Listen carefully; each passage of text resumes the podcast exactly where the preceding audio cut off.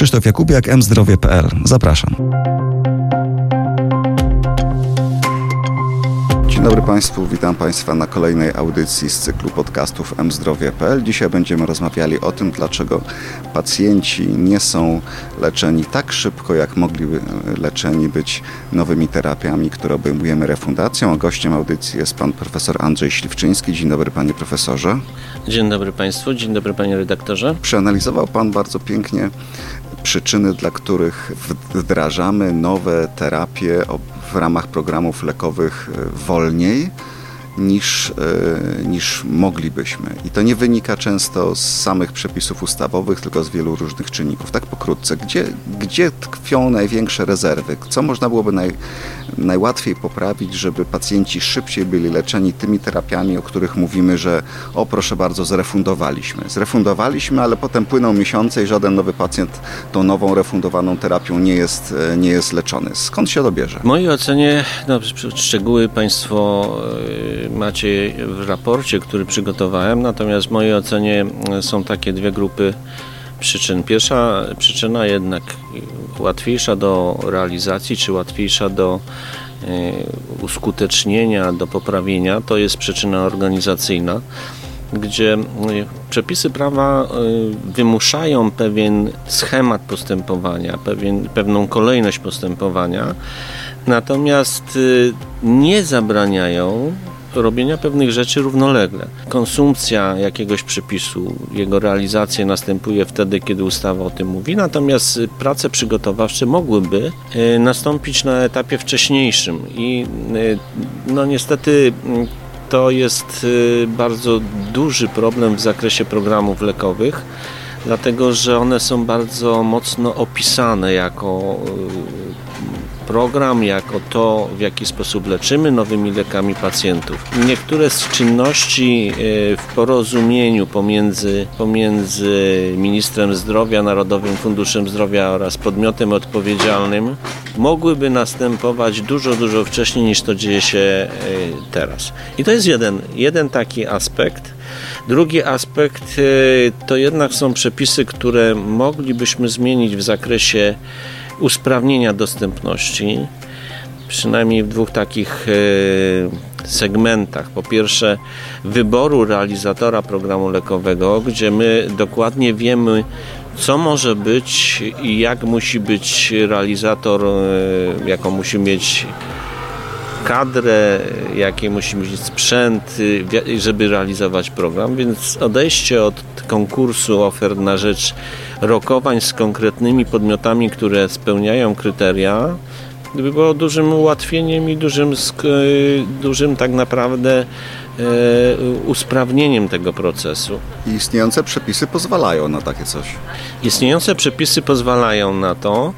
Natomiast. To czemu tego nie robimy? Tak naprawdę pytanie podstępne, ale dlatego, że przepisy oczywiście pozwalają, ale traktują rokowania jako ścieżkę, ścieżkę specyficzną.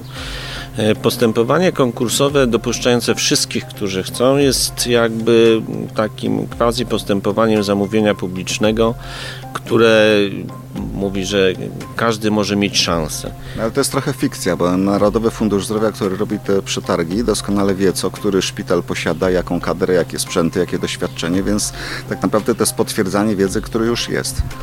E, oczywiście tak, natomiast zawsze może się zdarzyć, że jakiś szpital e, pozyskał jakiegoś lekarza w ostatnim czasie i tego w systemach jeszcze nie ma, więc ma szansę to pokazać. Natomiast ja twierdzę, że e, program lekowy jako opisana ścieżka terapii pacjenta jest ściśle określony również w zakresie tego, kto go może realizować, czyli jaki powinien być zasób kadrowy, sprzętowy czy lokalowy. I dlatego y, ta ścieżka wyjątkowa, która do tej pory jest wyjątkową ścieżką, tak, rokowań, czy wybrania zaproszenia do podpisania umowy przez e, e, oddział funduszu podmiotu leczniczego mogłaby być wykorzystywana i mogłaby być wykorzystywana e, częściej. Być może przydałoby się dla bezpieczeństwa i dla czystości legislacji umieszczenie w ustawie takiego zapisu, że w przypadku programów lekowych jest możliwość postępowania w trybie rokowań. Tak? I to w tym momencie nikt nie ma wątpliwości. To co jeszcze można poprawić poza tymi rokowaniami? Poza rokowaniami jest jeszcze jeden aspekt, mianowicie są ogłaszane konkursy na te leki, które są pojedyncze. Tak? Mamy, mamy nowoczesny lek, nie ma on odpowiedników, bo jest jedyny na świecie i przez najbliższy czas w związku z tam umowami patentowymi, z ograniczeniami patentowymi będzie, że tak powiem, jedynym. W związku z tym robienie postępowań zamówień publicznych w trybie zamówień publicznych e, do, do tego leku też jest, tak jak Pan powiedział, Panie redaktorze, trochę wcześniej pewnego rodzaju fikcją. Oczywiście ta fikcja jest usankcjonowana ustawą o zamówieniach publicznych. A można byłoby zrobić zamówienie centralne bez przetargu i ministerstwo by wtedy, czy NFZ by wtedy zamówiło centralnie ten jeden lek dla wszystkich szpitali, sprawa byłaby załatwiona i byłoby dużo szybciej. No, takie, takie zamówienia może nie centralne, tylko koordynowane, bo jednak zamawiającym zawsze będzie szpital. E, ale może e, być szpital, grupa szpitali, które działają wspólnie i zamawiają ten lek jako jeden, są możliwe do wykonania i e, przykładowo w ten sposób działa program, program profilaktyki hem, w hemofilii dla dzieci. Czyli jest to zamówienie skoordynowane, gdzie wszystkie szpitale godzą się, że będzie jedno zamówienie, jedno postępowanie i dokładnie określone są ilości, które każdy z tych szpitali potrzebuje. I takie, takie rozwiązanie jest możliwe. Oczywiście no jak, jak zwykle ona wymaga również pewnych zasobów po stronie koordynatora. Jeżeli miałby być nim fundusz, to y, funduszu. Jeżeli miałby być jakiś wybrany szpital, to jakichś porozumień pomiędzy szpitalami, ale to y, w moim przekonaniu jest do ogarnięcia lub też e, ustawowe, ustawowe zmiany w ustawie, gdzie możemy powiedzieć, że w takich przypadkach, kiedy lek jest innowacyjny i jedyny, e, no, nie dotyczy go prawo zamówień publicznych. No zwłaszcza, że jest najpierw negocjacje cenowe są prowadzone.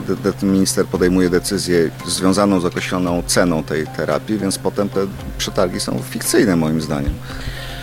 Znaczy, no Pan unika jeszcze... tego słowa, widzę, ale... Tak, unikam, bo, bo, bo nie do końca jestem przekonany, czy fikcyjne. Jeszcze jest taka sfera jak y, marże hurtowe, czyli pomiędzy producentem a hurtownią, w którym legle jest, gdzie jakby jest ten taki może nieduży margines negocjacyjny, ale on jednak naprawdę istnieje. W związku z tym to nie jest tak, że to jest zupełnie fikcyjne, natomiast skuteczność y, takiego y, rozwiązania, gdzie ktoś zejdzie z no, dość niskiej dzisiaj marży hurtowej na jeszcze niższą, e, no, to jest trudna do wyegzekwowania moim zdaniem. No jest jeszcze wiele przyczyn e, tego opóźnienia, o którym mówimy w dostępie pacjentów do terapii, leżących po stronie już takich wewnętrznych, organizacyjnych procesów Narodowego Funduszu Zdrowia, które można było usprawnić. Tak, na pewno tak. Tutaj są, tak jak zresztą do tego fundusz został powołany, żeby pewne rzeczy standaryzować i również pewne procesy organizacyjne standaryzować w województwach. No, chociażby sposób ogłaszania postępowań, który dzisiaj funkcjonuje, gdzie postępowania są ogłaszane w różnym terminie, nie jednocześnie to jest decyzja dyrektora działu, natomiast y, wydaje się, że jeżeli lek został dopuszczony w obwieszczeniu do finansowania ze środków publicznych, to jednak konkursy na, na e, podjęcie programu i jego realizację również powinny nastąpić jednocześnie w we wszystkich województwach. Te pewne rzeczy są. Myślę, że tutaj koalicja izb y, handlowych moim y, jakimś udziale, bo, bo to zostałem poproszony, sygnalizuję ministrowi zdrowia i kierownictwu NFZ-u te problemy i one widać chęć ich rozwiązania i one myślę, że y, w procesie takiego uzgadniania, co by było najlepsze dla pacjentów będą rozwiązywane. Natomiast y, najważniejsze jest to, żeby pokazać te problemy, że, bo często one są widoczne na tym najniższym poziomie, czyli pomiędzy lekarzem a pacjentem.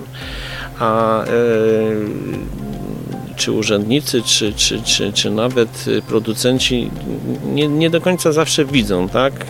W związku z tym pokazanie tych problemów jest połową drogi do tego, żeby spróbować znaleźć sposób na ich rozwiązanie. Jeżeli mówimy o problemach związanych z lekarzami, no to lekarze bardzo często narzekają na konieczność wprowadzania danych e, do systemu SMPT. E, on jest on skomplikowany, ale jest to kopalnia wiedzy i jest to system, który spełnia rolę zastępczą w stosunku do brakujących rejestrów klinicznych. Czy można coś z systemem zrobić, uprościć, ułatwić, żeby też nie był barierą e, do wprowadzania nowych terapii?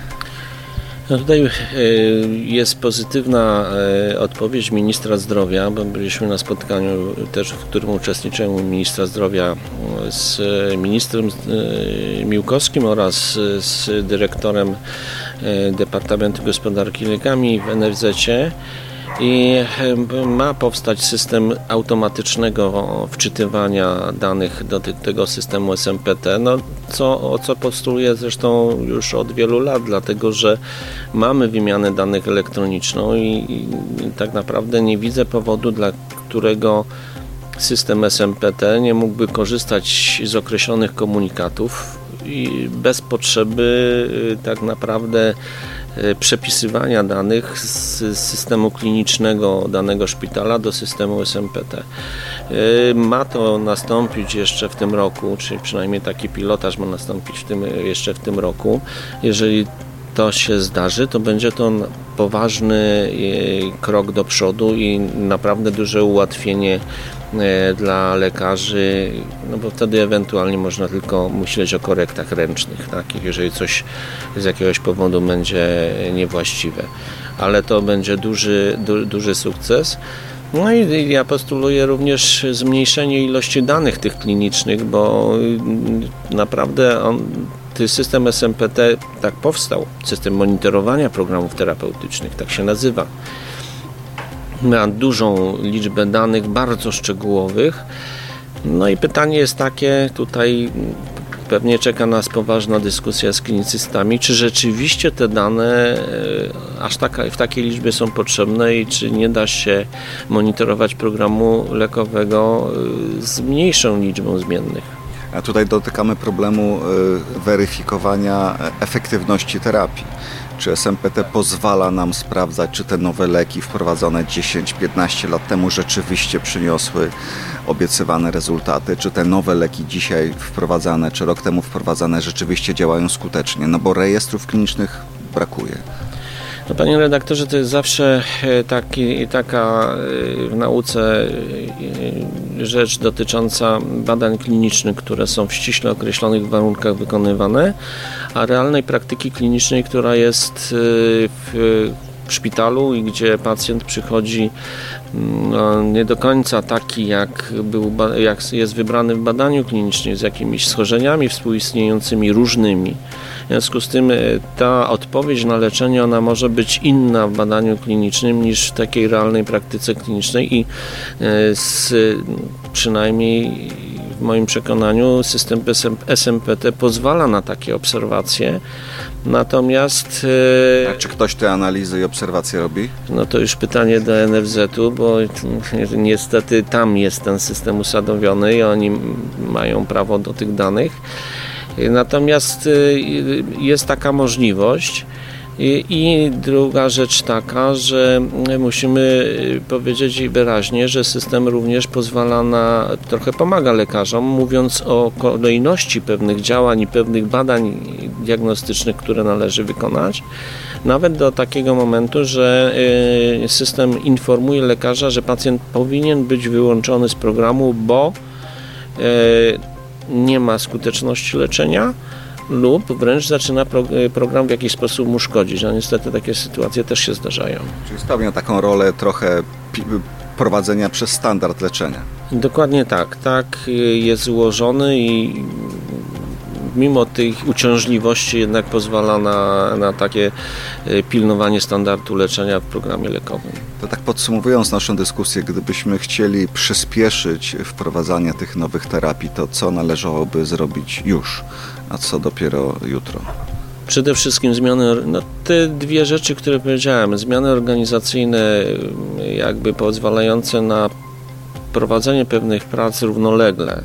To jest jedno i to po stronie wszystkich interesariuszy, uczestników tego systemu, zarówno ministra zdrowia, jak i funduszu, jak i e, podmiotów, leczniczy, podmiotów leczniczych i podmiotów odpowiedzialnych, czyli firm farmaceutycznych.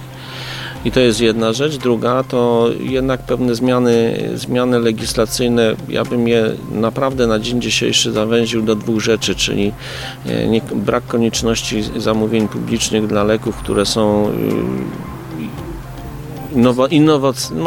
No tak, monopolistyczne, innowacyjne i nie ma innych, a z drugiej strony umożliwienie zawierania umów y, przez y, oddziały wojewódzkie z podmiotami na podstawie zaproszenia do, do tej umowy, czyli rokowania, nie na podstawie ogłaszania konkursu, który ma swój tryb konkretny. No i dzięki temu być może te decyzje o obejmowaniu refundacją kolejnych tak zwanych cząsteczkowskazań się szybciej przełożą na realną liczbę pacjentów, którzy są nimi leczeni. No, dostępność do, dla pacjentów do danego leczenia powinna być szybsza, tak? Czyli powinniśmy skrócić ten czas między samą decyzją finansowania ze środków publicznych, a e, praktycznym leczeniem pacjenta w szpitalu. Pieniądze szczęścia nie dają, potrzeba jeszcze temu szczęściu trochę pomóc, czyli zorganizować to wszystko. Bardzo dziękuję za rozmowę. Gościem dzisiejszego podcastu był Andrzej Śliwczyński, profesor uczelni Łazarskiego. Bardzo miło, dziękuję panie redaktorze. Jeszcze dodam, że z dużym doświadczeniem pracy w Narodowym Funduszu Zdrowia. No tak, to, to też moje doświadczenie prawie 20-letnie. Dziękuję za rozmowę. Dziękuję bardzo.